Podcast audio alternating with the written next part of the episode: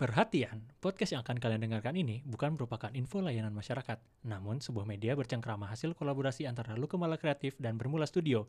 Dan suara yang kalian dengarin ini adalah suara Omkin. Stay with us in the after hours.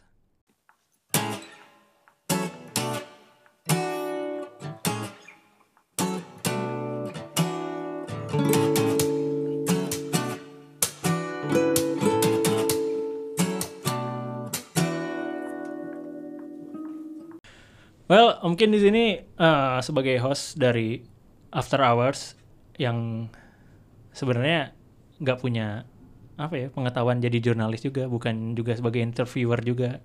Eh, After Hour ini kita bakal coba ngebahas topik-topik yang hubungannya sama branding. Banyak nih, banyak terkenal. Apalagi sekarang masa pandemi banyak banget teman-teman juga yang bikin usahanya masing-masing sendiri dari rumah. Terus kirim-kirim lewat apa namanya perusahaan logistik yang terkenal di Indonesia, ada unicorn-unicorn Indonesia, itu kan ngebantu banget tuh. Nah, pasti kan teman-teman juga mikirin bagaimana cara nge-branding dari si produk teman-teman, terus gimana cara ngejualnya, terus pede nggak pedenya kita buat ngejual gitu. Karena sebagai orang awam mungkin juga kayaknya pengen deh ngikutin teman-teman yang lain gitu kayak misalkan bisa bikin telur kecap yang enak di rumah. Wah, pengen nih gue jualan telur kecap buat buat buat gue kirim ke teman-teman ataupun malah gue jualan gitu. Jadi telur omkin kecap. Eh bukan jangan telur omkin kecap. Jadi salah tangkap tar teman-teman. Telur kecap omkin. Nah kalau telur omkin kecap kayaknya beda beda konteks nih ya. Nah nah untuk di podcast ini santai aja kita ya bro. Kita dengerinnya yang chill aja sambil minum kopi sambil kalau teman-teman mungkin teman-teman yang pulang kerja ambil nyetir Alhamdulillah kayaknya sekarang sama, selama pandemi macetan Jakarta nggak begitu parah ya. Dan menurut Om Kin sendiri kayaknya sekarang tuh udah apa ya ada di fase di mana ya udah sih orang Jakarta segitu aja gitu nggak usah nambah dari pandemi-pandemi itu kayak yang keluar tuh ya udah itulah udah paling paling paling efisien tuh orang Jakarta segitu gitu macetnya betul. pas macetnya Setuju. pas gitu kan nah karena Om Kin bukan orang yang ahli di bidang branding ataupun marketing pasti Om Kin harus ngobrol sama orang. Setuju kan? Setuju. Jadi sekarang Om Kin lagi kedatangan teman-teman co-founder co-founder dari Lukemala Kreatif. Nih nanti bentar lagi mereka nyapa nih suara-suara imut-imutnya nih. Tapi nggak ada ceweknya bro, cowok doang.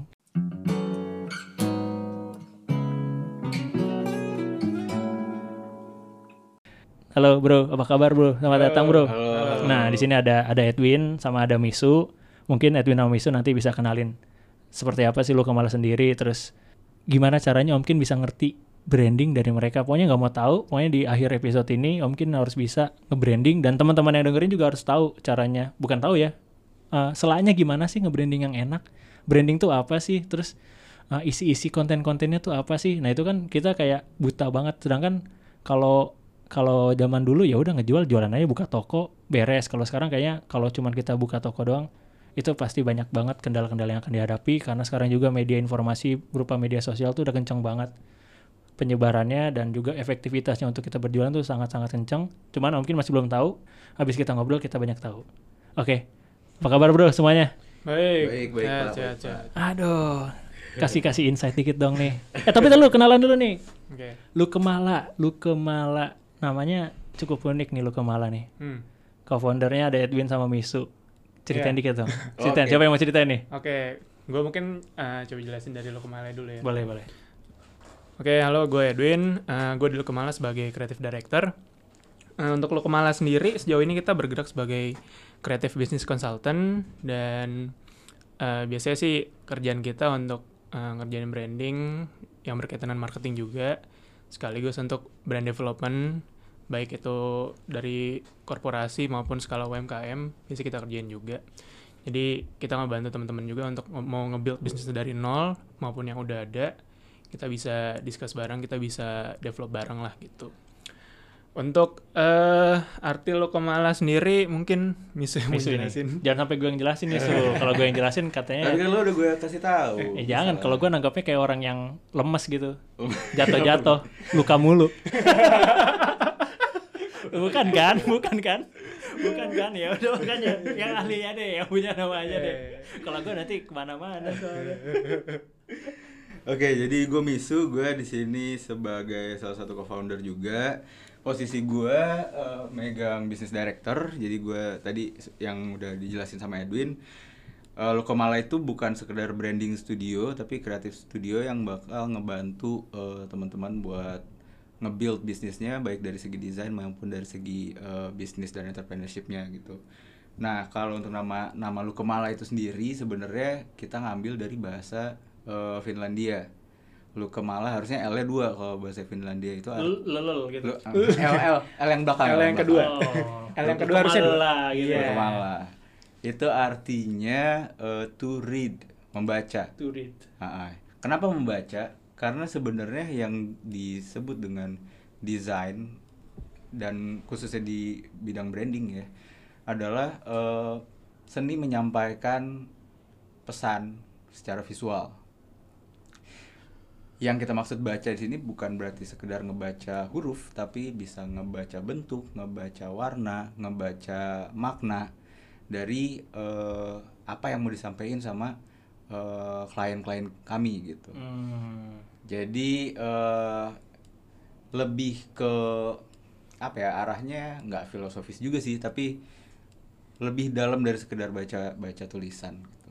Tapi, tapi dari makna lu kemala sendiri emang eh, lo berdua pengen ada sesuatu yang kayak tadi dari dari lu kemala itu kan to read kan. Iya. Jadi emang benar-benar ya lu ngewujudin nge- lebih ke ngevisualisasin sesuatu yang Betul, ngevisualisasiin. sesuatu yang klien lu mau kan Yap, gitu kan. betul. Jadi sebuah bentuk kan branding kan. benar. Yang nggak tau gue branding gue nggak tahu lah branding itu apa gitu. Yang gue Hmm. tau branding tuh Kin misalkan Om Kin lo nge-branding diri dulu dong gimana branding dulu gue bikin logo muka gue atau gimana gitu Hmm. karena yang gue tahu nih sebagai orang awam Hmm. lo kalau mau mau nge-branding tuh ya itu logo lu apa nama nama produk lu apa misalkan Hmm, hmm. misalkan gue mau bikin produk eh, tadi telur telur telur, kecap telur, Omkin. telur omkin kecap kan itu Telur kan- kecap telur omkin. kecap omkin nah itu kan juga maksud gue nggak tahu ya mungkin kalau dari dari dari dari apa struktur struktur nama nih telur kecap Iya. omkin nama telur omkin kecap mungkin Hmm. nggak tahu mungkin yang lebih laku telur omkin kecap karena mungkin ada in- indikasi kepornoan kan biasanya orang Indonesia yang, Esek-eseknya. iya, yang makin porno makin laku tuh makin porno makin horor Lebih baik lagi lu nggak usah jualan telur sih. Paling dua minggu dicekal. iya sih. iya kan wah bahaya banget tuh Iya, iya. Ma- masuk apa M apa MUI aja bukan MUI apa sih halal tuh MUI. MUI ya Iya. sertifikat MUI Kayaknya enggak malah masuknya Kamu agamanya apa sih? Juga nggak tahu. malah disomasi gua aja jualan telur aja Iya, telur iya, iya. kecap nah gitu Iya. Gua nggak tahu nah kan dari turit itu mungkin lu kalian bakal lu kemarin tuh bakal visualisasiin itu kan Hmm. nah tapi apakah sesimpel itu sih Sebenarnya gini, kalau kalau dibilang memvisualisasikan keinginan klien, eh, mungkin ada kurang tepat ya. Tapi yang kita visualisasikan itu adalah eh, pesan dari usahanya sendiri gitu. Kadang kadang klien maunya A, maunya B, maunya C, tapi setelah kita analisa ternyata bisnisnya itu sebenarnya D gitu. Hmm. yang kadang akhirnya makanya kita eh, setiap kita memulai sebuah project kita pasti ngobrol dulu kita pasti eh, konsultasi dulu dan itu biasanya prosesnya nggak nggak sebentar juga gitu. Jadi nggak nggak ujuk-ujuk eh gue mau logo dong gue bikinin nih dua hari jadi nggak bisa gitu juga gitu. Karena eh, aspek yang perlu dipikirin ada banyak dan implikasinya juga gede banget bisa sampai ke masalah hukum juga kan kayak tadi betul. bilang gitu gitu pertimbangannya ada banyak gitu Iya, tadi yang dibilang turitnya tadi juga cuma bukan cuma menyampaikan pesan dari bisnisnya uh, klien gitu, tapi lebih ke proses kita juga turit gitu loh. Kita oke kita cuma ngebaca dulu kira-kira model bisnis yang mau dijalani seperti apa. Misal datang klien datang ke kita uh, butuh branding, Uh, terus kita coba baca dulu nih uh, strategi bisnisnya gimana, penetrasi pemasarannya gimana, terus uh, sebenarnya branding itu kan kalau gue coba tarik ke belakang lagi, gimana cara kita bersikap oke berarti bukan cuma logo doang Bukan cuma logo doang. Cara gimana cara kita bersikap kepada audiens kita. Dalam artian eh, kalau misal audiens kita punya satu segmen atau dua segmen nih misal Hmm. segmen A dan B, otomatis cara kita bersikap bisa beda. Hmm. Ke A gimana, ke B gimana. Gitu. Jadi gimana kita memposisikan diri juga itu bagian dari branding sebetulnya. oke Dan yang tadi misal itu visual atau bentuk apa pun itu hanyalah tools sebenarnya. Tools Oh, untuk mencapai sikap kita yang mau kita eh, sampaikan ke audiens tadi. Gitu. Oke, tapi dalam dalam prakteknya lu lu berdua kalian tuh eh, bisa nggak sih misalkan kayak gue tadi mau bikin telur oh, kecap omkin gitu. Gue Hmm. bilang aja, "Su, Win, gue mau bikin telur omkin, eh telur kecap omkin, Hmm. telur kecap omkin gitu kan. Hmm. Tolong dong lu bikinin brandingnya lu eh, segala macam lah. Gue gue gue pokoknya gue tutup mata di gue nggak ngerti, gue cuma bisa bikin ini telur kecap Hmm, enak. hmm, hmm, hmm. Sisa-sisa perintilannya lu urusin deh gitu. Nah itu tuh kan mungkin bagian-bagian dari branding juga ya. Iya, Nanti ujungnya betul. ke marketing juga ya. Betul, betul. Nah tapi yang yang gue juga pengen tahu nih biar Hmm. biar biar apa namanya persiapan telur kecap gue matang nih iya. dari si branding sendiri dari si branding sendiri tuh gue kebayang telur gue kecap itu jadi aduh. Telur lo yang di kulkas kan? iya telur gue di kulkas. Di kulkas. enak. Resep Enak. dari nyokap Iya, gue iya. emang enak Benar, enak benar, enak benar, enak. Benar. jadi lapar gitu sorry bro. Iya, jam segini iya. lagi kan pulang kerja aduh lapar kan. Nah, nah gue ada nggak sih eh, pembagian dari si branding itu? Misalkan branding tuh terdiri atas A branding tuh ini dulu loh kin. Branding tuh lu sebelum nyampe titik ini lu ini dulu. Nah itu kayak gue cuman mau jualan di depan eh lewat ini online doang su misalkan nah yang yang perlu gue kuatin branding apanya terus kayak gimana Oke, kalau dari branding itu sendiri sebenarnya dia nanti akan kepecah lagi jadi yang namanya brand identity sama brand image. KTP tuh brand identity tuh Bisa dibilang iya sih Iya. karena Iya. karena dia dia Gimana adalah kenal ya? identitas dari sebuah brand gitu. oke Yang isinya adalah eh, ngejelasin ketika orang lihat oh brand A itu kayak gini, oh brand B itu jualan ini. hmm. Itu kan dari brand brand Identity. brand, brand identity yang eh, dipersepsikan sebagai image. oke Jadi beda tuh antara Oke. brand identity sama brand image. Kalau brand identity adalah identitas si brandnya, si usahanya, entah itu jualan telur atau jualan kecap atau jualan Iya, telur iya. kecap gitu. Sama brand image-nya adalah eh, di mana persepsi orang melihat brand tersebut. Gitu. Oke. Jadi eh kalau lu bisa nganalogin nggak sih su misalkan atau lu Win Hmm. misalkan si brand identity itu eh contohnya nih ada nggak yang brand identity-nya itu kuat banget sampai ah sorry sorry maksud gue ada nggak eh, kesan kesinambungan antara brand identity dan brand image Hmm. yang di mana mungkin mungkin orang bisa ngelihatnya kayak eh nih brand identity loh, nih brand image loh. Kadang Iya. orang suka ngelihatnya beda nih kayak misalkan Iya. gua ngelihat McDonald's misalkan. Hmm. McDonald's endorse ya. Misalkan gue liat McDonald's nih. Hmm. McDonald's tuh kalau menurut kalian dia menang di masalah brand tuh udah image-nya sebagai McDonald's atau identitinya sebagai McDonald's. Oke, gue coba kasih contoh yang lebih agak lebih apa ya, lebih relevan dan bisa lebih gampang digambarin Gue ya. Iya. kemarin gue tadi McDonald's cuma jadi endorse aja. Iya, Ada ada slot ya? Ada Ada slot, slot, ada ada slot, slot, ada ada slot, slot. ada slot ternak. gue coba kasih contoh yang biar lebih Jangan gambar KFC, bro. bedanya. Misal contoh eh, ini deh gampangnya Apple deh. Oke, gimana Apple? Apple. Misal dia secara identity dari segi desain maupun eh, semua perangkat sistem Hmm. visualnya yang dia utarain itu, yang disampaikan, itu terkesan dengan eh, bukan cuma minimalis tapi efisien. Oke, Nah, iya iya. efisien iya. sendiri sebetulnya kalau ditarik ke belakang itu udah next level dari efektif dari sebuah Hmm. produk gitu loh. Produk efektif itu bisa digunakan fungsional gitu. Nah ini ada level berikutnya lagi itu efisiensi yang Hmm. ditekenin sama si Apple, Apple. ini. Berarti dari level berikutnya itu dia mengedepankan lagi eksklusivitas sebetulnya. Karena ah, eh, see. pada saat zaman dulu nih misal uh, uh, Apple baru dibentuk visinya adalah uh, nggak semua orang sebenarnya bisa mencapai efisiensi itu kan Hmm. jadi itu udah ke segmen sendiri tuh uh, audiens yang tadi gue bilang terus uh, segmen atau target marketnya nah efisiensi itu otomatis membentuk posisinya dia sebenarnya kan menempatkan dia pada posisi yang eksklusif tadi Ya. nah yang eksklusif yang kita lihat eksklusifnya itu itu brand image sebetulnya Yang Masih. eksklusifnya brand brand image-nya, Ya. tapi dia punya brand identity yang efisiensi Gua nggak tadi nangkep nih. efisien tadi tuh efisien iya efisien Gue susah nih sebagai orang awam ngebedain brand itu sama brand image gitu. Sim- Oke. Simpelnya sih Simpelnya. gini, eh, brand identity itu adalah apa itu Apple Hmm. as a company, as a brand gitu. oke. Sedangkan brand image adalah gimana lo ngeliat si Apple, gimana gua ngeliat si Apple, Dari luar Gimana gitu. nyokap lo ngeliat Apple? Hmm. gitu kan. Berarti- yang mungkin beda-beda Iya, memang iya, iya, gitu. iya, iya. Tapi yang dikejar sama Apple adalah salah satu segmennya aja. Dia nggak perlu ngejar segmen ibu-ibu, dia nggak perlu Oke. ngejar segmen anak kecil gitu. Jadi eh, image-nya ini yang sebenarnya diincar sebagai produk akhir dari sebuah branding gitu. Hmm. Untuk bisa membuat image itu nyampe ke mata orang, ke pikiran orang, ke pikiran kliennya, eh ke pikiran sorry audiensnya, Audience. eh, dia butuh ngebangun brand image Yes. lewat brand identity gitu. Nah, gue orang awam lagi nih. Hmm. Nah, si logo masuknya ke mana? Masuk identity. Identity. Iya. Nah, ini gue cerita sedikit sejarah tentang logo nih. Iya, iya, iya. Kenapa namanya brand? Brand itu kan artinya cap, Iya. Kan brand. Nah cap. itu makanya kan gue taunya brand. Nah, ya, logo. cap. Cap bisa logo. Stempel, stempel. ya kan? Branded gitu ada Iya, capnya branded, gitu kan. branded. Nah, Branded. jadi Miss zaman dulu. Iya. sebelum sebelum ada sebelum ada komputer, Main Foursquare aja. sebelum ada komputer, ya eh, perusahaan-perusahaan itu dia pakai eh, alat-alat yang sifatnya analog kan, bukan digital. Yes. Yang sifatnya mechanical gitu. Iya. Eh, salah satunya adalah cap itu. Oke. Cap itu digunakan untuk nandain ini produknya siapa nih. Oh. Siapa nih yang bikin gitu. Kasih cap. Kayak kalau contohnya sekarang masih ada yang pakai eh, apa ya istilahnya cap itu kayak misalkan eh, caplang. Dia logonya gambar burung elang Hmm. atau cap gajah duduk Hmm. gitu. Itu kan capnya. Iya. Itu yang disebut brand sebenarnya.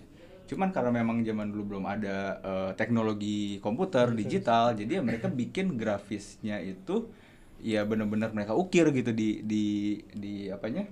di capnya Oke. gitu. Kenapa harus ada grafisnya? Bisa aja sebenarnya tulisan doang, tapi jadinya generik. Antara ada brand yang namanya sama, jadi nggak bisa dibedain, Hmm. gitu kan? Oke, sebelum ada grafis ada dulu yang namanya tipografi. Nah itu baru mau gue sebut Ah. tadi tipografi. Tipografi Itu ini berarti salah nulis ya tipografi. typo. Iya juga ya. Eh typo itu Iya. yang yang jadi mis ini sih mislead sih sebenarnya. Makna Iya, typo iya, itu iya. pergeseran Iya, makna. Tapi itu slang sih kayaknya. Slang sih jatuh. Iya. Beda lah ini. Ya beda. sih seling-seling aja bro. itu tolong matiin dulu gulungannya tolong. Aduh, aduh mata gue merah bro. Nyampe mana kan tadi lupa kan. Iya itu tipografi coy. Oh iya Tipografi. tipografi. Tipografi itu jadi sebenarnya tulisan tapi dibikin stylized, dibikin ada stylenya. Hmm. Jadi walaupun tanpa ada grafis, tanpa ada gambar, dia tetap bisa jadi faktor distinction, pembeda Hmm, oke. antar brand lainnya gitu. Jadi misalkan brandnya namanya eh, Apple, ada 10 brand gitu tapi eh, tipografinya beda-beda. Hmm. Jadi ketahuan nih eh, mana yang mana, apa Oke. yang jual apa. Itu kan fungsi identitas kan. Kalau lo nggak punya identitas ya lo nggak nggak bisa dibedain Iya. sama orang lain gitu kan. Iya tapi su, gue kemarin ada nih di Indonesia yang lagi ber eh, Bermula studio. bukan bermaksudnya kita nih Oh, iya. yang, yang nge-publish kita nih. Ada yang lagi bersih tegang nih. Apa tuh tegang-tegang? Ah, waduh. Waduh. ini apa uh, produknya ayam ayam Oh, oke. nah itu kan Iya. dia dari tipografi sama banget cuy Iya, dari nama juga bahkan. Dari- ah, ah, nama sama pemain basket kan Denny Sumargo. Iya, iya, iya. gitu. Gitu kan nah itu gimana tuh? Emang ya mungkin ada ini kali ya. Nah itu gunanya mungkin si logo-logo tambahan tadi. Kalau gue lihat mungkin kalau yang si satunya tuh Hmm. ada gambar gambar ayamnya. Hmm, hmm. yang satu ada gambar basketnya. Sebenarnya salah orang kita. Punya sama oke, sama iya, sama ya. sama. Sebenarnya mungkin kendalanya nggak tahu ya kalau gue coba eh, ngebaca situasinya mungkin ya tadi eh, peran brand identity atau branding deh dari awal sebenarnya kan untuk namanya juga sebagai identitas Ah, gitu ah, kan ah. sebagai pembeda Ah. satu sama lain gitu loh. Misal gua sama lu pasti udah jelas beda bukan cuma sebatas nama gitu Iya, kan. iya, Persona gua sama persona lu beda. iya, iya. Gimana gua bersikap ke orang lain pun juga beda gitu Yes. kan sama lu. Nah, itu sebenarnya itu mungkin eh, bisa dipikirin di awal sebenarnya. Hmm. Ataupun juga misal ada yang orang running bisnis yang Hmm. penting dapat eh, stream dulu baru berikutnya biki- bisa mikirin brandingnya sebenarnya. Hmm. Jadi ketika itu udah lumayan settle baru kita bisa mikirin brand- Nah, branding. itu yang terjadi di Nah. ayam geprek. Angry Black, ya, iya, betul. iya, iya, iya. Tapi Gitu. berarti sebetulnya kalau dari kalian sendiri lebih efektif yang mana? Jalan duluan atau dari awal kita mikirin? Nah, kalau kalau menurut gua bisa tergantung balik ke personal masing-masing nih, yang Ah. si menjalankan bisnis ya. Hmm. Kalau emang ternyata modal di awal nggak cukup, apa-apa kita jalan dulu. Tapi yang penting udah aware dulu nih di awal Oke. tentang branding itu gitu loh. Karena kan ya balik lagi mungkin masalah eh, bisnis pasti ujungnya ke sales kan. Iya. Ketika salesnya belum cukup, ya udah yang penting hidup dulu nih dari Ah, situ. ah. Itu udah bisa muter, baru bisa tabung dulu. Kita bisa mulai mengelola branding dengan baik. Selama itu dijalanin, oke sih. Ataupun misal udah kebayang dari awal, kan branding nggak cuma yang tadi gue bilang nggak harus logonya bagus banget, Iya, perfect iya, banget nggak harus. Yang penting identitasnya punya dulu nih dari awal. Kita juga lahir tanpa eh, suatu atau personal branding dari awal gitu kan. Iya, Tapi iya. udah ada yang udah ada yang kita bawa nah gitu. itu maksud gue kayak misalkan kalau misalkan uh, kita berkaca sama manusia nih. Hmm. Manusia misalkan Hmm. mau nge-branding dengan misalkan bukan nge-branding lah, mau nunjukin jati dirinya lah misalkan gue orangnya santun. Tahu kan lo semua gue orangnya Santun apa Iya, santuy ini? Santun. Santun, oke. Yang ini perasan kelapa. Oh iya, santun. Apa, Karena apa syaitun? oh, itu bilang terus. Iya, Nah, iya. misalkan gue orangnya Iya. santun nih di tengah jalan sama kan kayak kayak Hmm. produk nih tengah jalan sales gue sales gue Yoi. sales gue kurang nih Ah. gue buat contoh lah buat gaya cewek gue mesti jadi bad boy Iya, Ah, rebel gitu ah, ya, sales iya. gue kurang nih udah Iya. muka cewek nih kalau santun nih Iya, gue gue berubah jadi bad boy lah Ah. Hmm. misalkan nah itu kan perubahan di tengah berarti kan Nah, Iya. ya, nah si cewek ini sebenarnya kan target customer lu kan, Iya. Oke. yang harus lu sesuaiin dengan jati diri lu berarti. oh Gitu. Berarti Hmm. salahnya di gua dong nyarinya yang Tergantung, Tergantung. lo risetnya gimana? Oke. Kalau lo bisa tahu cewek itu suka bad boy dari mana? Iya. ya dari teman mainnya lu Ya, Oh. Oke, berarti lo udah Udah, riset nih. gue oke oke aja. jadi, nah jadi lo riset dulu pasti ini cewek sukanya apa nih? oke Yang kayak gimana nih? Ah. Seleranya kayak gimana? Selera kayak gimana? Setelah lo dapet, oke, si cewek ini sukanya yang tipe-tipe bad boy yang yang cuek gitu ya misalnya. Cuek, selengean. Selengean gitu. Nah, untuk bisa jadi ke image itu apa yang lo lakuin? ya pakai celana sobek-sobek Nah, dari pakaian pertama. Iya. Kenapa? Karena itu kelihatan. Visual. Terus, rambut warnain bro oke. Kayak sekarang gitu ya. Nah, resetting turun-turun dikit nah. emang rusak Oh, iya. Macet emang, ya. emang rusak ya macet Macet. macet Heeh. Mati. Hidup lagi. Harus biar nggak nggak bercanda. Operator. ini tadi layar langsung mati di studio guys. Oh, pas sedikit ke kesalahan teknis sedikit. Ah, jadi tadi dari dari visualnya ada dari pakaian, ada dari mungkin tas yang lo pakai, eh, gaya eh, rambut lo gitu kan, kacamata segala macam itu ngebangun image kan. ya Yang mana bisa jadi sesuai atau nggak sesuai sama identitas lo sebenarnya. oh yes. Ya pasti Bisa kan? pasti yang Lo- nurani ah. lu tuh bergejolak tuh ah, Nah, kayak gini gitu kan Nah, Iya. coba deh ambil contoh orang siapa ya yang yang begajulan ya? Eh, kakak kakak, Iya, kakak kakak. slang ya. Main bola kan? Apa Oh, main iya. bola? Santun itu. santun ya santun ya santun Kakak. Iya. kakak slang Mm-mm. slang yang mau masukin adlibs bisa Ah, masih ada slot.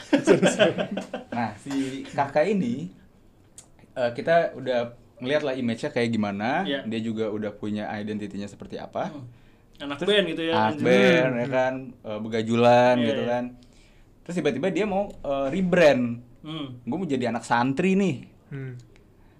Ya sebenarnya secara visual bisa aja dipasangin peci gitu ya, Iya, pasangin baju koko. Tapi kan identitasnya nggak gitu. oh iya iya Akan kebayang kan eh, konfliknya di di di mana gitu. Ketika dia secara visual dia pakai A tapi identitasnya sendiri B gitu. hmm. Clash jadinya. Nah itu si yang dia visual brand image bukan bukan juga gue masih belum nangkep nih Brand image-nya adalah persepsi orang. oke Jadi brand image-nya itu bukan dari kita Brand- tapi brand- dari brand- orang. brand identity itu yang yang kita sebagai owner yang menanam menanamkan lah Iya, ya. betul. Brand image itu kayak misalkan- Brand image tumbuhnya di kepala orang. Ah. Bukan di kepala brandnya. Kayak, kayak misalkan kalian bikin lu kemala mau turit gitu kan. Ah. Gue ngeliatnya sebagai luka mulu gitu. Ah, Iya. iya. Enggak sih, bagus sih lu kemala, lu kemala bagus. Bagus banget, bagus. Episode 2 hostnya ganti. Oke, oke, oke. Iya, iya. Gitu lah kurang lebih analogi gitu. Hmm, tapi berarti PR juga ya kalau misalkan ada yang namanya gue nanti aja kita bahas kapan-kapan Win. Gue suka suka banyak dengar kayak eh, gue mau nge-rebranding nih, gue mau nge-rebranding nih.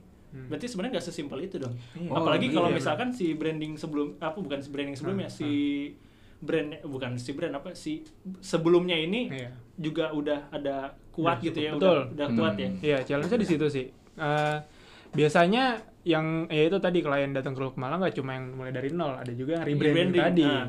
Gue selalu bilang rebranding biasanya akan lebih sulit karena lebih banyak batasan sih. Iya, iya. batasan iya. yang harus dijaga, batasan yang harus dikelola lagi gitu kan. Apalagi kalau brand sebelumnya udah cukup uh, punya impact gitu ke Iya, marketnya misalnya. Itu kan nggak boleh hilang kan atau nggak Iya. boleh ngurang malah. Iya, iya. Itu harus kita bawa, harus kita olah lagi biar lebih meningkat gitu kan sesuai dengan goals berikutnya. Nah, sebenarnya challenge-nya di situ. Jadi ya ya gimana ya? Kita harus nyesuaiin juga. Cuma dalam artian nggak boleh sangat terbatas dengan apa yang udah ada gitu sih. Masih harus explore dengan batasan.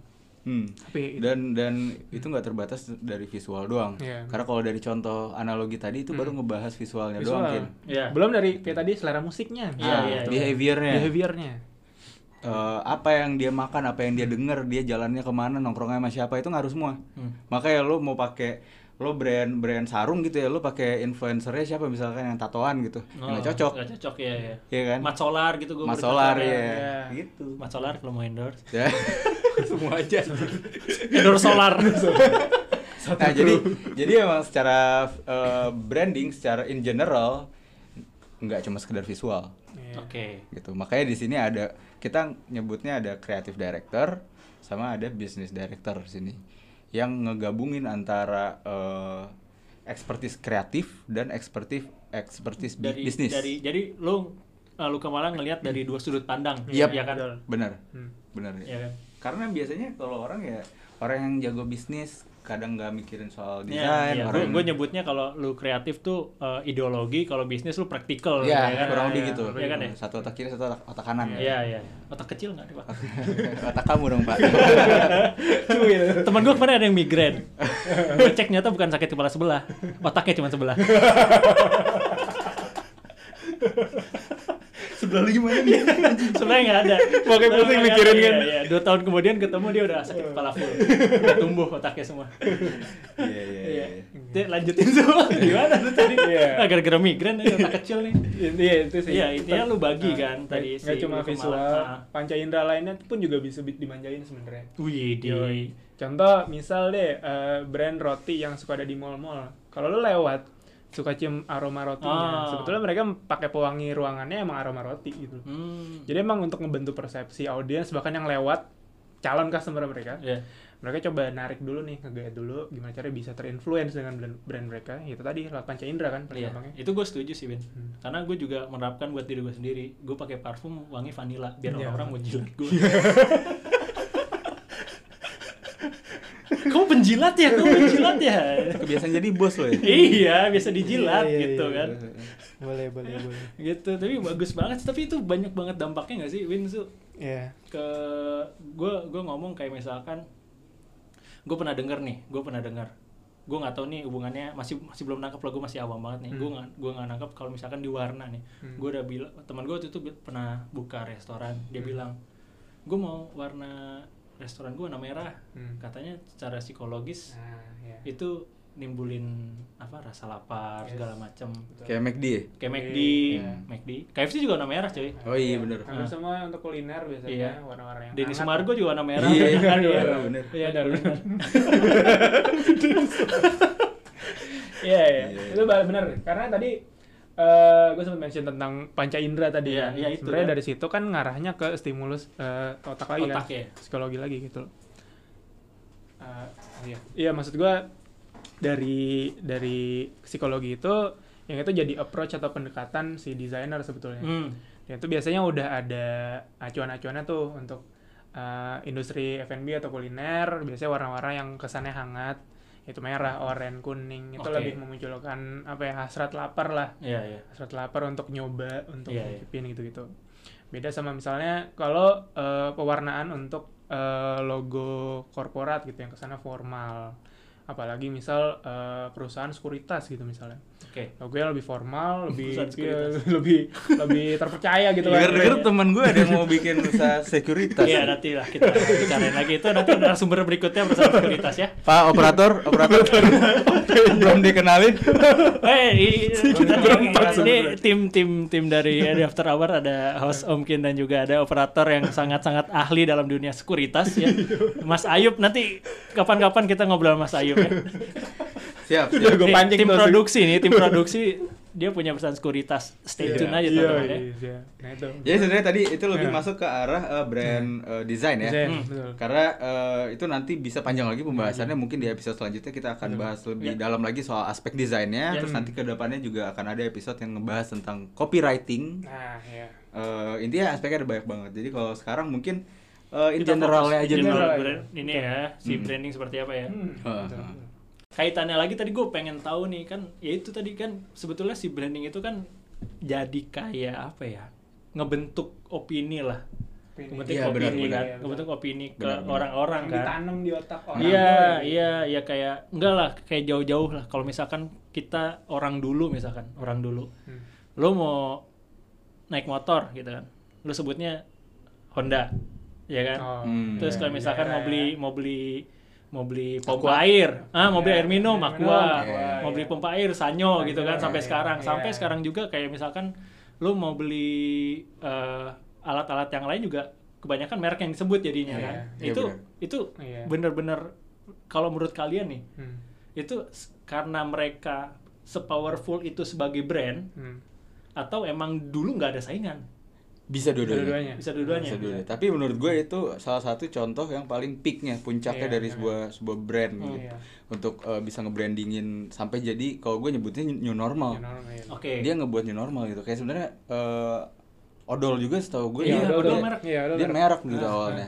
Bisa jadi karena emang waktu itu nggak ada saingan, bisa jadi saingannya Hmm. kecil-kecil, bisa Oke. jadi saingannya sama gede tapi kalah branding. oke Hmm. Jadi faktornya banyak. Nah, itu intinya sebenarnya itu istilahnya apa? ya, Holy grailnya Iya, branding tuh di iya, situ. branding, iya. hmm. Bisa sampai status itu gitu. aktualisasi diri sebenarnya punya aktualisasi diri sebuah brand itu puncaknya sih sebenarnya Mm-mm. aktualisasi aktualisasi dan bisa diakui atau diterima sama orang banyak sih Bener, bahkan bisa jadi bagian dari kultur. Waktu Iya. itu gue sempat cerita juga sama? Edwin Bener. soal soal uh, the beers. Uh, Ada perusahaan perusahaan Diamond. diamond Diamond itu apa sih? Ah, Berlian. berlian Berlian. Hmm. Perusahaan berlian namanya The Beers, Hmm. B E E R S S, iya. D E B E E R S. Dia itu perusahaan yang memasyarakatkan budaya eh, Mas kawin. engagement Iya. pakai cincin. cincin Oh, oh, Cincin berlian, diamond. iya, diamond ah, gitu iya. Lo kalau lihat semua negara, semua kultur eh, Iya. rata-rata pakai cincin berlian. Berlian, iya. Kalau- Kalau di- ditarik ke belakang asalnya dari mana? iya iya iya nggak tahu itu dari satu perusahaan itu tuh dari Iya. satu brand itu yang Satu bisa brand. ngebentuk budaya Dia kan ngebentuk budaya. tapi gue nonton film-film kolosal pakai gitu juga Kalau salah apa tuh? kolosal Angling Dharma itu kolosal kontemporer kali. ya. Keren aja. Iya. Dengan kearifan lokal. udah ada selama alis juga itu anjir Kalau referensi kalau referensi lo dari sinetron ya ntar enggak enggak kalau Ghost Rider aja ada cuy Iya. di Indosiar. Eh ini nyebut Iya. merek cuy. iya Iya, iya wah ya nggak mau Indosiar Berarti brand image udah masuk. Brand image mas. Iya. Ya enggak maksud gue itu emang emang mereka yang bikin kebiasaan itu. The Iya. Beers iya Mereka yang mempopulerkan ke semua kalangan ke seluruh dunia. Modalnya gede dong. Gede banget. Dia perusahaan berlian cuy. Sekarang masih ada. Sekarang masih ada. kan? perusahaan berlian nggak nggak kacang-kacang gitu. Sekarang masih ada Masih kalau nggak ada. salah ya. Jadi dia punya tambang gede banget. Gue lupa di, di daerah mana di Afrika gitu kalau nggak salah. Buat ngikat apa tuh Diamond. tambang gede. ya episode depan kita ganti bos.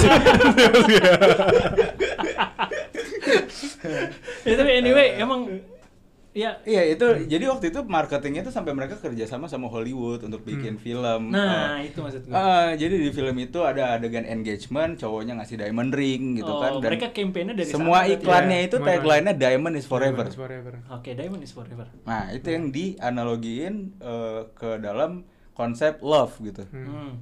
Yang yang namanya pernikahan eh, Yang abadi gitu dianggap kan. ag- abadi. Sebagai berlian yang keras tadi tuh yang yang solid lah Hmm. Iya, iya, iya, iya. iya. Hmm, Jadi zamannya Angling Dharma belum ada. Belum ada, Belum ada, ada berlian. batu akik coy. Ah, batu akik, mungkin iya. Akik, Merah delima. Nggak ada berlutut-lutut yang dapat naik naga coy, naik naga. ya. Kalah lu semua. Jadi tapi tapi menarik sih. Jadi intinya ada ada brand-brand yang udah sukses banget sampai dia eh, meraih new normal status gitu. Oke. Iya. Udah orang udah nggak tahu lagi tuh asalnya dari mana pokoknya udah jadi bahasa sehari-hari aja. sehari-hari, iya. Benar, benar, benar. Iya. Tapi kalau menurut lu, Win, Sun, Hmm. eh, kita di negara Indonesia nih, Hmm. kita ini nggak sih bisa nggak sih perusahaan-perusahaan kita buat ngebentuk itu mungkin ada chance nggak ada chance nggak buat misalkan gue bikin telur gitu. nah, Iya, gitu iya, jadi iya, kayak jadi jadi brand image makanan itu tuh itu atau misalkan gue bikin apalah atau jangan-jangan dulu sendok juga nama brand. Gitu ya? Iya iya iya. Mijan nama brand. mulai aneh nih mulai aneh Nah, menurut menurut lu sebagai pelaku Hmm. bisnis di industri ini Iya. mungkin nggak kita sebagai Indonesia gitu punya brand lokal kayak misalkan lu mau ya dulu juga kita mungkin uh, ojol-ojol sama Iya. taksol-taksol Iya, kan Iya. takso Iya kan? Iya kan? Bener. taksol kayak Mhm. Gue juga kadang mau nge saingannya gue nyebutnya si A gitu Hmm, si hmm, hmm. si pementri gitu kan Hmm. Hmm. iya Iya kan? Heeh. Itu kan itu udah termasuk ini gak sih? Termasuk dia punya apa ya? Dia punya impact ke kita Iya. terhadap ini brand gue mungkin lebih bagus atau Hmm. brand gue lebih familiar Iya, atau ya itu mungkin dari penamaan ya kalau gue ngeliat ya. bisa Iya nggak sih? bisa juga kalau tadi lu nanya change untuk bisa apa ya menjadi sebuah kultur gitu kan. Hmm. Kalian tadi lu sebut juga udah jadi kultur kan itu si Iya. dua brand raksasa itu. Iya, kan. iya. Sebutlah Grab sama Gojek gitu. Iya, Ah. Grab mau Gojek. Ya, itu Eh, slot U- Uber ditunggu. nggak ada cuy apa tadi apa tadi apa? Eh, grab Bukan, Grab. bukan, bukan. Apaan anjir? Ah, nganter nganter barang pakai sepeda. Ninja. Anjir. Nah, Adalah, Ninja. ada bagus pokoknya di sini Oh, bagus. pakai sepeda serius? Pakai sepeda serius. Brompton Ah, sepedanya biasa. Tapi Oh. bagus banget tadi gue ketemu di jalan sama Oke. Ayub nih. Iya, iya. Oh. Itu Oke, bagus oke, banget dia messenger gitu pakai sepeda. Hmm, iya. Nah, maksud gue bisa nggak sih kita ngalahin? Tapi kan di luar negeri Uber nih. Hmm. Iya nggak sih? Iya, iya. Kalau di Bandung, salah satu pionir kalau di Bandung Pionir, ujung berung. iya. Uber. Juga jauh, jauh soalnya. Iya, iya, iya. Bisa nggak sih si Grab atau Gojek ini ngalahin mereka kalau menurut lo? Kalau ditanya bisa apa enggak sih tetap peluang masalah Peluang peluang, ya, ya, masa peluang peluang. tetap ada sih menurut gua. Balik lagi ke soal kebutuhan sih sebenarnya. Hmm. Biasanya brand-brand yang bisa stand out banget eh, apa ya dia bisa memenuhi kebutuhan yang baru atau kebutuhan lama tapi dia sampaikan dengan cara yang lebih baru gitu. Iya. Ya balik lagi mungkin sebagai revolusioner atau ya apa ya pionir tadi yang bisa bilang kan. Itu peluang sih tetap ada ya menurut gua eh, masih banyak lah hal yang bisa dicari solusi dari kehidupan kita sehari-hari yang sebenarnya Iya. mungkin dulu nggak kepikiran kalau itu hal yang bisa bisa menarik gitu atau bisa berdampak besar lah gitu. Iya, iya. dan perlu dicatat yang namanya pionir belum tentu selalu jadi yang sukses paling ya? sukses Iya, iya, betul, iya. betul, betul. itu ada banyak kasus yang Hmm. yang pionir tapi nggak Hmm. sesukses kompetitornya Hmm, hmm, benar. tapi intinya hal-hal kayak gini apalagi menyangkut soal branding itu nggak nggak eksklusif untuk perusahaan besar aja Hmm, justru yang di sini yang kita pengen coba bawa eh, usaha-usaha kecil-kecilan kita tuh juga perlu nggak sih sebenarnya branding Nah, gitu Nah, iya itu betul. dan udah ada tools yang paling powerful di dunia namanya internet Nah, Hmm. ada yang namanya sosial media lu bisa pakai gratis lu nggak perlu subscribe apa-apa gitu iya, iya. ya udah pakai channel-channel yang udah kita punya lo mau bikin apa pun bisa kejual tinggal soal kualitas barang atau jasa yang lo tawarin sama kemampuan lo untuk branding dan Nah, marketing itu yang, Menyampaikan yang, yang tadi. tadi sempat gue gue sebut sih. Iya. Lu pede nggak pede sih nge- ngejual. Nah, maksud gue apakah misalkan gue nggak pede nih, apakah si misalkan gue minta tolong, eh, lu kemala bisa nggak tolongin bikinin gue toolsnya lah, si Hmm. branding toolsnya. Hmm. Itu mungkin gak sih nambahin pede si ownernya sendiri? Oh jelas. Jelas ya? Jelas, jelas banget. Kasarnya gini lu eh, keluar rumah dengan misalnya mau ke tempat yang balik lagi kita nyesuaiin audiensnya Iya, ya. iya. Lu mau ke satu tempat yang eh, lu menyesuaikan out- outfit lu ke tempat itu gitu. Lu udah nyesuaiin outfitnya sama sebelumnya, otomatis kan kepedean lu beda kan. Iya iya. Kan balik lagi ke tadi branding adalah gimana cara lu bersikap.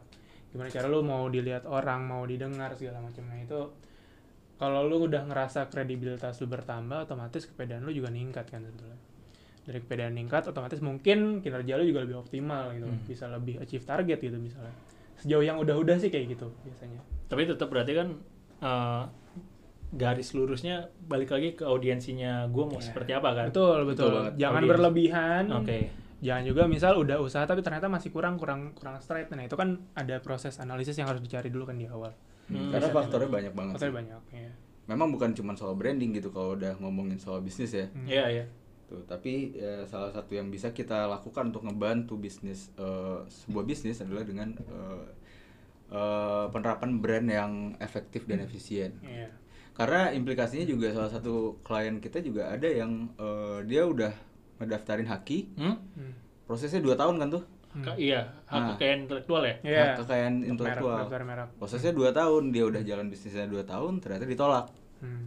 Gitu. Karena eh, namanya terlalu generik namanya kurang unik segala macam lah ada banyak alasan Ada gitu- kayak gitu ya? iya jadi mereka udah punya brand dia udah punya logo udah punya Udah jalan bisnisnya udah jalan. selama 2 tahun. udah jalan dua tahun gitu jadi tapi mau nggak mau harus ganti makanya curhat ke kita juga gitu ini gimana ya enaknya gimana gimana? Nah itu itu Ah, kita bantu. Gue bingung deh, kenapa ya? Gue punya, gue punya, nggak tahu ya. Mungkin kalau misalkan nama nama nama brand gue nyeleneh, mungkin ma- masalah gitu. Nah, nah tapi kalau kita kalau kata lu kayak nggak nggak Nah, generik gitu kan, ya kalau iya benar-benar benar. kayak anaknya Elon Musk aja nggak generik coy.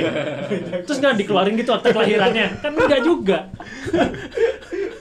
Nah, kalau misalnya tadi kan ngomong tentang haki kan. Eh. Haki itu biasanya dia juga ngelihat eh, nama brand ini berupa nama atau kata gitu loh. Oke. Kan ini sebenarnya dipatenin kan. Ah. Jadi dalam artian nggak boleh ada orang lain lagi yang make. Iya iya. Kayak yang tadi bisa bilang kalau itu generik yang berupa kata, otomatis kemungkinan ditolaknya tuh lebih besar Hmm. dibanding yang berupa nama. Ya, soalnya misalnya lu kemala itu berupa nama kan, bukan kata. Kalau kata contohnya? Misal contoh eh, nama brand lu duduk gitu. Oh. Duduk aja. Ntar tiap orang yang nulis duduk suruh bayar Bayar, ya. Oh, I see. Gitu. Jadi kendalanya di sana. Nah, gitu, berupa kata sebenarnya kan. salah Karena satu kan- faktornya ada banyak sih satu faktornya faktor kita ya, juga kurang belum paham tahu lah banget ya. Iya, tapi kurang lebih yang biasa Mungkin nanti dipermasalahkan kalau tim haki. back, back Iya. office kita cari tahu lah ya. operator Tolong tolong lah ya. Kalau soal haki biasanya Coba tolong itu kata ladang gitu. ladang boleh nggak itu? Generik soal ladang. ada, ada bobo kartel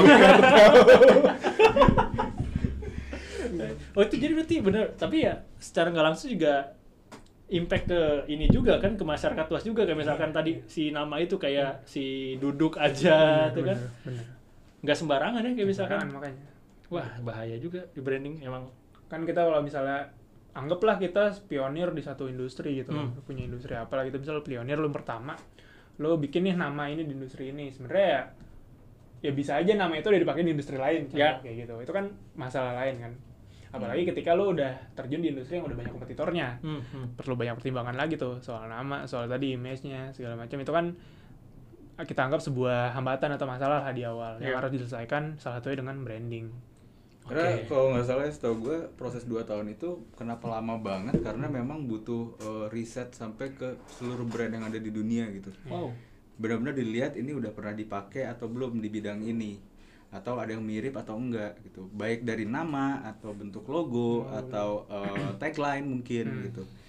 Gitu. Jadi eh, sebenarnya itu bukan sesuatu yang kalau lo mau jualan kayak jualan di Instagram nggak perlu kali ya. eh belum bukannya nggak perlu tapi mungkin belum sekonser itu, itu, ya. gitu Hmm. karena nanti bakal ada masalah ketika lo udah gede dan ada yang eh, ada yang nuntut ada yang Iya, ngeklaim Iya, yang lain. gitu jadi ya sebaiknya dari awal buat jaga-jaga tapi Iya. jangan sampai itu eh, jadi ngehambat kita Iya. untuk jadi ah malas Iya. mulai ah gitu jangan Iya, juga iya, gitu iya. Juga.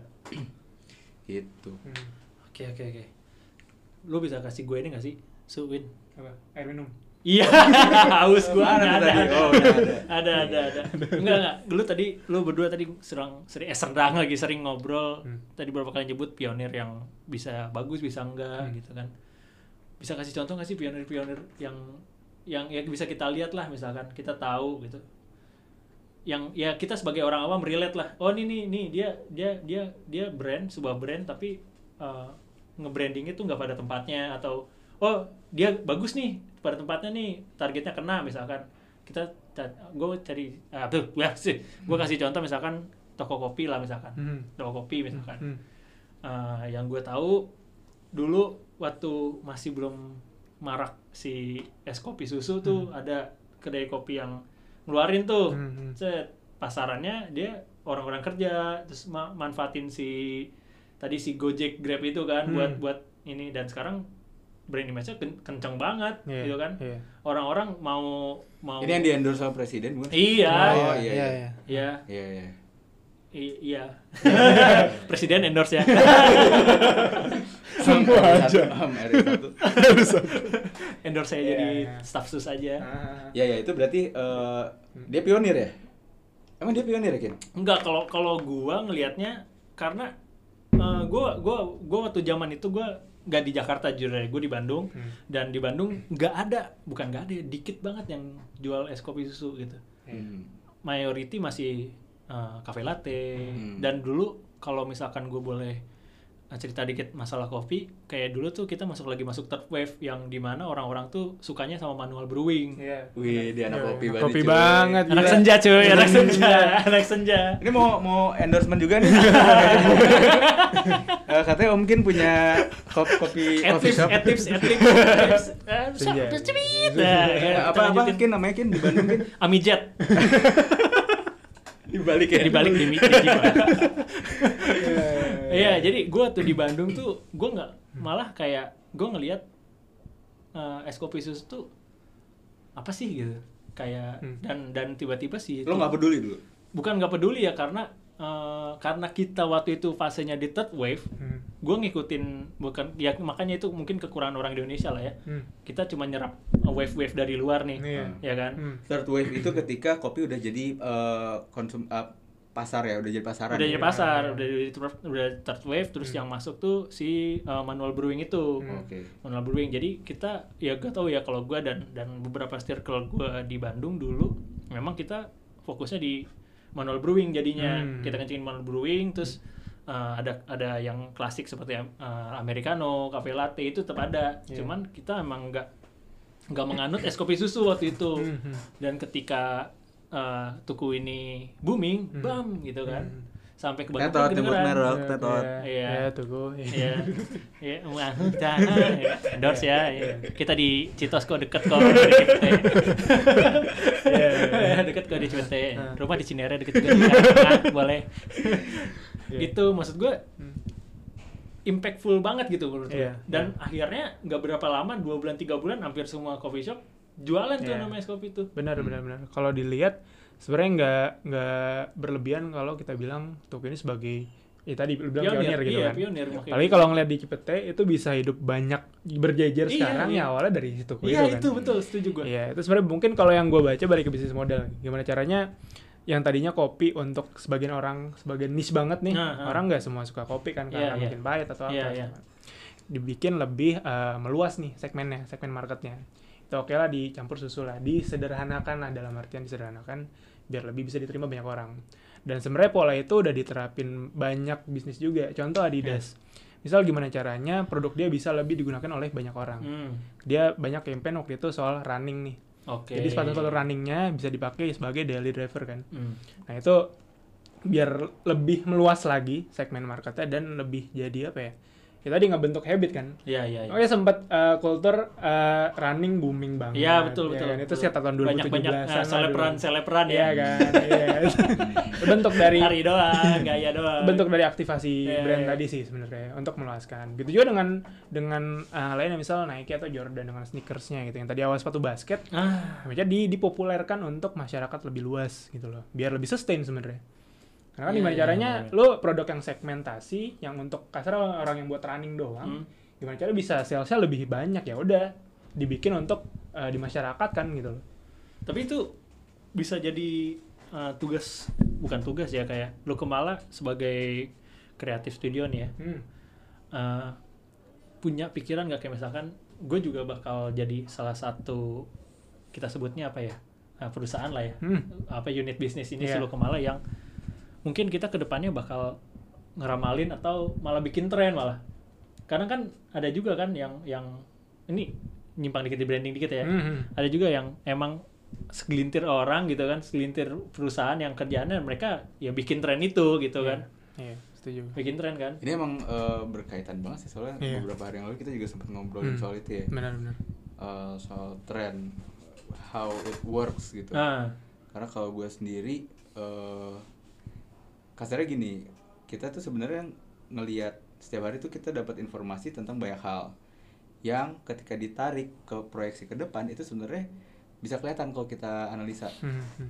Ini sekarang orang lagi banyak beli ini, Eh, orang lagi banyak yang produksi ini, sehingga nanti mungkin tiga bulan atau empat bulan ke depan akan Oh. banyak tren ini. Gitu. Iya.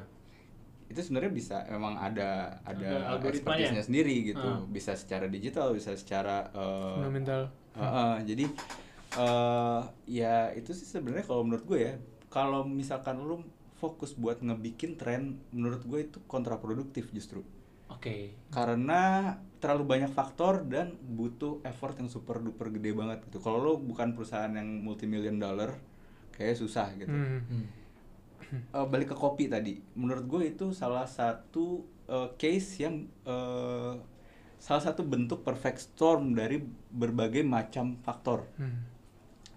Eh, sebelum Tuku kan sebenarnya juga udah ada kayak film apa Filosofi. kopi Yes. gitu terus udah mulai ada eh, apa kultur kopinya sendiri mungkin Ya. baru masuk setelah baru booming setelah eh, ada filmnya Film itu, betul. setelah ada Tuku setelah ada eh, kompetitor-kompetitornya gitu tapi eh, awalnya kan memang selalu dari sesuatu yang kayaknya unassuming gitu apa sih bahasa Indonesia nya nggak kelihatan nggak terduga gitu. ya, nggak terduga terduga. gitu Hmm. gitu kalau lo mau fokusin ke situ ujung-ujungnya ntar lo malah eh, ngeluarin banyak cost yang ternyata nggak berhasil kan gambling Ya. gitu buat apa gitu mending fokus ke niche market aja yang lo udah jelas lo bisanya bikin apa eh, siapa yang mau beli udah fokus ke situ Setuju. gitu Setuju sih, setuju. Niche market juga kadang perlu dicoba gitu kan. Hmm.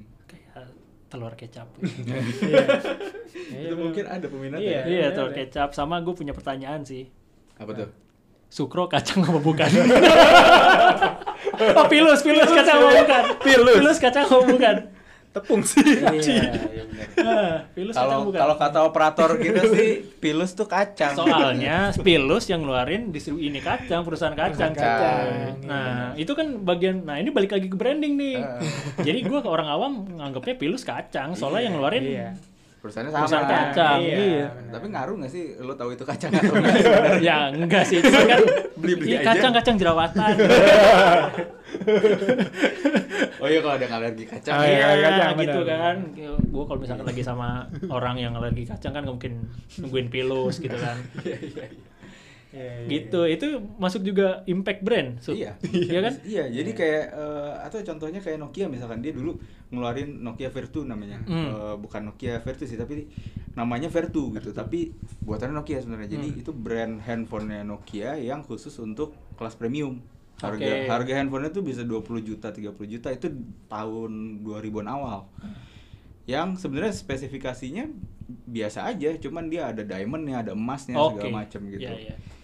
Eh, mereka nggak mau ngerusak pasar yang udah mereka punya tapi mereka tahu ada market lain nih yang Hmm, bisa punya di eh, yang bisa di yang bisa diolah Iya. gitu akhirnya dia bikin apa ya mungkin istilahnya sub brand kali ya Hmm. yang memang khusus untuk pasar itu doang gitu Iya, iya. Itu masuk ke brand development. Iya, iya. Mm-mm. Lebih luas lagi. jadi Gua- eh, ya itu diversifikasi sih Iya. jadinya Gue gua ngomong-ngomong Nokia, gue di 2015 gitu gue, lu ingat gak sih waktu Nokia udah kalah sama WB, Hmm. dia ngeluarin Windows Phone. Iya. Ya. Nah itu gue sempat beli karena gue menurut gue anjir gue beda sama yang lain nih. Nah, Tapi Emang jiwa indie ya dari dulu ya? kacrut. kacret kan Iya kan? Iya. tapi emang motivasi motivasi lo pengen beda dari yang lain Iya. pantas rambut Pantes. kuning Iya. Eh, kamera dulu Carl Zeiss cuy. Oh, si iya, HP-nya. Iya, Iya, Iya benar. kan, emang emang dari fitur yang lain dia bagus, cuman Hmm. kalah lah. Waktu itu kan Android juga masih masih transisi lah antara Iya. BlackBerry Iya, sama Android lah. benar-benar. Mm-mm. Yang udah stabil paling Apple doang, cuman Iya. Apple kan buat orang Indonesia agak pricey ya. Iya, benar benar. Hanya, hanya sultan-sultan yang bisa beli kan. Hmm, hmm. Ya, jarak rakyat jelata kayak gua bisa sih. bisa sih Ke- tapi Om, ginjal om, om, om, tante, om.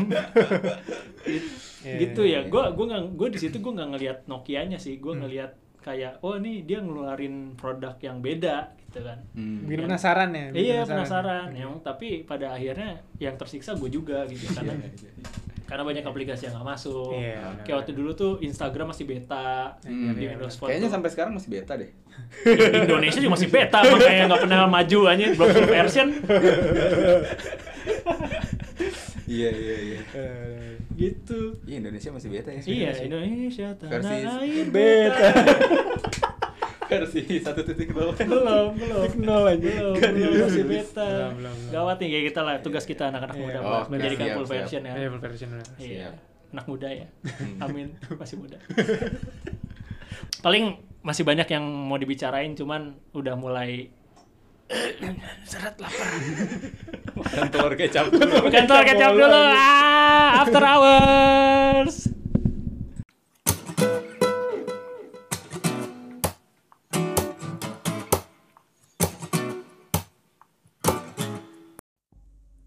Saat ini, kita sedang berada di tengah-tengah kondisi pandemi, baik di Indonesia maupun di seluruh dunia. Oleh karena itu, kami turut menghimbau agar teman-teman tetap menjalankan protokol kesehatan yang telah dicanangkan oleh pemerintah. Dan juga, jangan lupa untuk berolahraga secara teratur, serta bersenda gurau, agar kesehatan mental dan jasmani teman-teman tetap terjaga. Terima kasih telah mendengarkan dan akan terus mendengarkan After Hour. See ya! Mula Kreasi Koneksi Edukasi